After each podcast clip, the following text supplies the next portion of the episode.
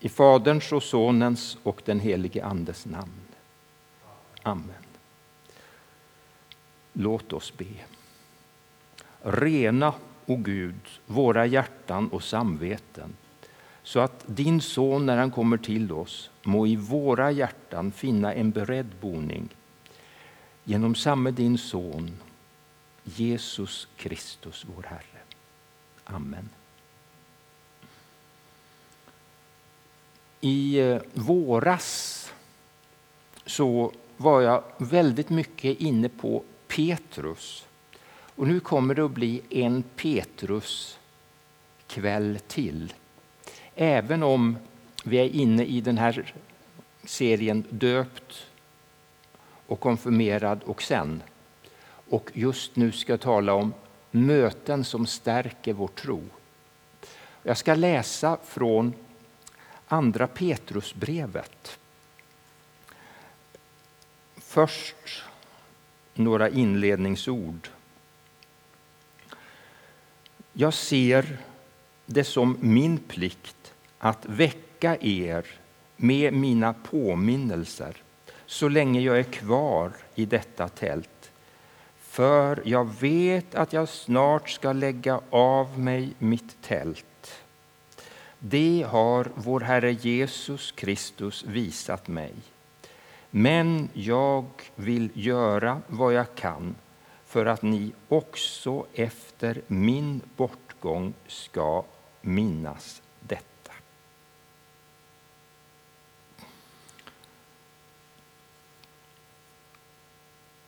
Jesus visade Petrus att han snart skulle dö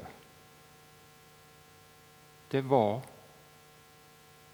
bland annat när han mötte Jesus vid Genesarets sjö, då de fick mycket fisk. Och Petrus fick tala om att han älskade Jesus och fick en ny uppmaning att följa Jesus. Och så kommer något. Eh, som innebär då ett skifte utav eh, av pronomen från jag till vi. Om ni slår upp i psalmboken eh, så ser ni att det här har inte eh, då Bibel 2000 tagit med, den här poängen. Och ni kan slå upp på sidan 1488 om ni vill eh, hänga med i första delen. Och vill ni hänga med i andra delen så får ni slå upp eh, på sidan 1273. Jag läser texterna i en följd. Och då läser jag ur folkbibeln för att få fram den vi-form som finns i grundtexten.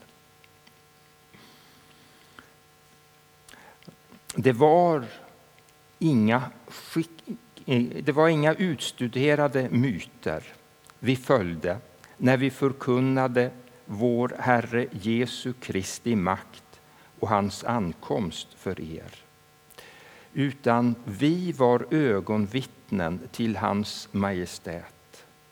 Han fick ära och härlighet från Gud, Fadern när rösten kom till honom från den himmelska härligheten. Han är min son, min älskade. I honom har jag min glädje. Den rösten hörde vi själva från himlet när vi var med honom på det heliga berget. Så mycket fastare står nu det profetiska ordet för oss. Och ni gör rätt i att hålla er till det som ett ljus som lyser på en dyster plats tills dagen gryr och morgonstjärnan går upp i era hjärtan. Framför allt, vill, eh, framför allt ska ni veta att ingen profetia i skriften har kommit till genom egen tolkning. Ingen profetia har burits fram genom någon människas vilja utan ledda av den helige Ande har människor talat vad de fått från Gud. Så lyder Herrens ord.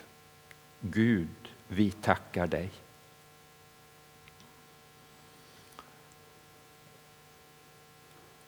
Det är alltså ett skifte från jag-form till vi-form. Och det finns två anledningar till att det kan vara så. Den första anledningen är att det här kan vara något mycket naturligt i att det är så. Att man skiftar mellan jag och vi. Det är så man gör i antika brev. Och det här är ett antikt brev. Och det är en bit utav det sättet att skriva. Det är teori nummer ett. Och då är det helt riktigt att översätta med jag istället för vi. För vi har inte samma sätt att växla mellan jag och vi i vårt svenska språk. Men det kan faktiskt också vara en annan anledning till det. Det kan vara det att Petrus ville markera det var inte bara jag som hörde den här rösten. Det var även Johannes och Jakob som var med och hörde samma ord som Petrus. Detta är min son, min älskade son. I honom har mitt hjärta sin glädje. Han hörde orden. Jakob hörde orden. Johannes hörde orden. Själva sammanhanget är mycket intressant. För det som har hänt eh, det är då att Petrus har tagit ett steg ytterligare i bekännelsen utav Jesus som den utlovade. Jag skulle kunna tänka mig att det var ungefär ett halvår innan som han i samband med brödundret hade sagt till Jesus Herre, till vem skulle vi gå när de andra gick bort? Vi tror och förstår att du är Guds helige. Ett halvår senare, om det nu stämmer att det var vid lövhyddoktiden som det här inträffade, september, oktober någon gång, medan Eh, brödundret var runt påsk. Då fick han möjlighet att bekänna Jesus som den utlovade. Vem säger ni att jag är? Och hela lärjungaskarans vägnar så sa han Du är Messias, den levande Gudens son. Jesus uppmuntrade honom. Kött och blod har inte, upp, eh, har inte uppenbarat det för dig, utan min fader i himmelen. Och så får Petrus storhetsvansinne när Jesus talar om att han ska lida och dö. För då vet Petrus bättre. Enligt Petrus teologi så skulle Messias inte lida utan segra. och utifrån det så tillrättavisar han Jesus. Jesus talar om att vi ska följa i hans fotspår. Och så kommer då sex dagar senare, kanske runt lövhudhögtiden, den här erfarenheten där de får höra den här rösten. Jag skulle vilja sätta in det här i ett större sammanhang för att vi som är här, vi har på ett eller annat sätt fått göra andliga erfarenheter. På ett eller annat sätt har vi fått upptäcka att det är sant det här med att Jesus är Guds son. Fått se något av storheten. Och skulle det visa sig att när jag säger så här så gäller det inte dig så vill jag gärna be för dig om att du ska få del av det. Och Tycker du att du har fått för lite av det så kan jag gärna be om att du ska få mer av det. Och Då vill jag att vi sätter in våra egna erfarenheter i det här sammanhanget. På samma sätt som den här erfarenheten betydde något för Petrus så betyder det vi har fått vara med om något för oss. Eller det jag hoppas att ni ska få vara med om om ni har fått vara med om det för lite. Själva vitsen med det här var ju rösten. Det var mycket underbart att se på förklaringsberget. Tabor eller Hermon, vad det nu var. Men det allra mest magnifika var ju rösten. Det var det som talade om för Petrus att det inte var några utstuderade myter, inga skickligt hopdiktade sagor. Det här ordet myt det kan betyda tre olika saker. Mytos på grekiska betyder ungefär sagor.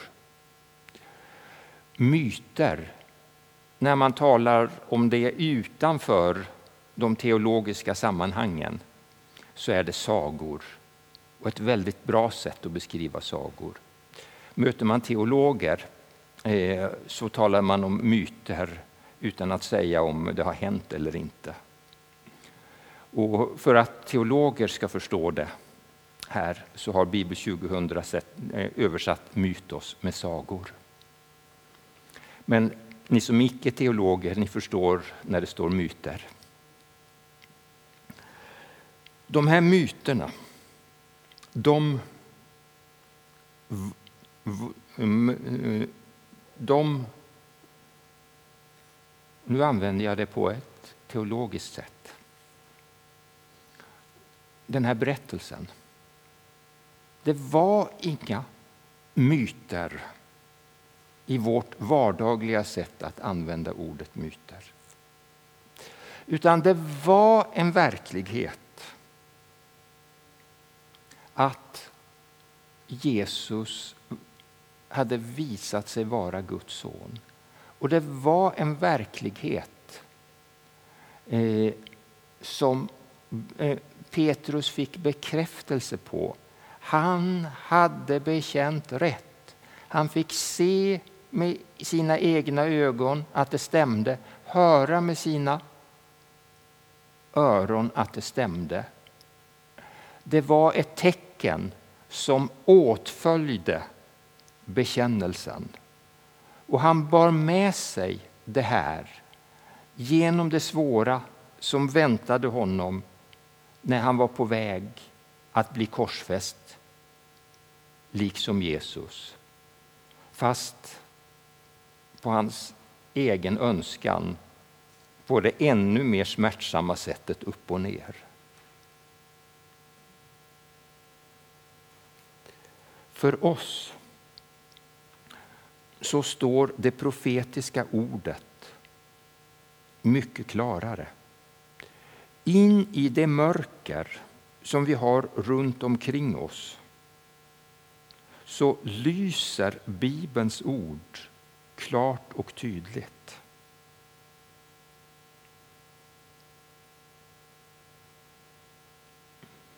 De erfarenheter utav Gud som vi har fått är till för att hjälpa oss att förstå ja men det är sant. Jesus är den utlovade. Orden stämmer. Gud talar rakt in i vår situation. Bibeln är samlingspunkten för Guds sätt att tala till oss. Och det är utifrån Bibeln som vi kan pröva om det som uppfattas som ett profetiskt budskap verkligen är det. För det som inte stämmer överens med Bibeln, det är inte från Gud. Det som stämmer överens med Bibeln kan vara eh, verkligen från Gud. Profetiskt tilltal som stryker under det skrivna ordet. Orden ska vi låta lysa för oss som en lampa i ett mörkt rum. Vad gott att få se på våra erfarenheter i det här ljuset. Och då är två saker viktiga.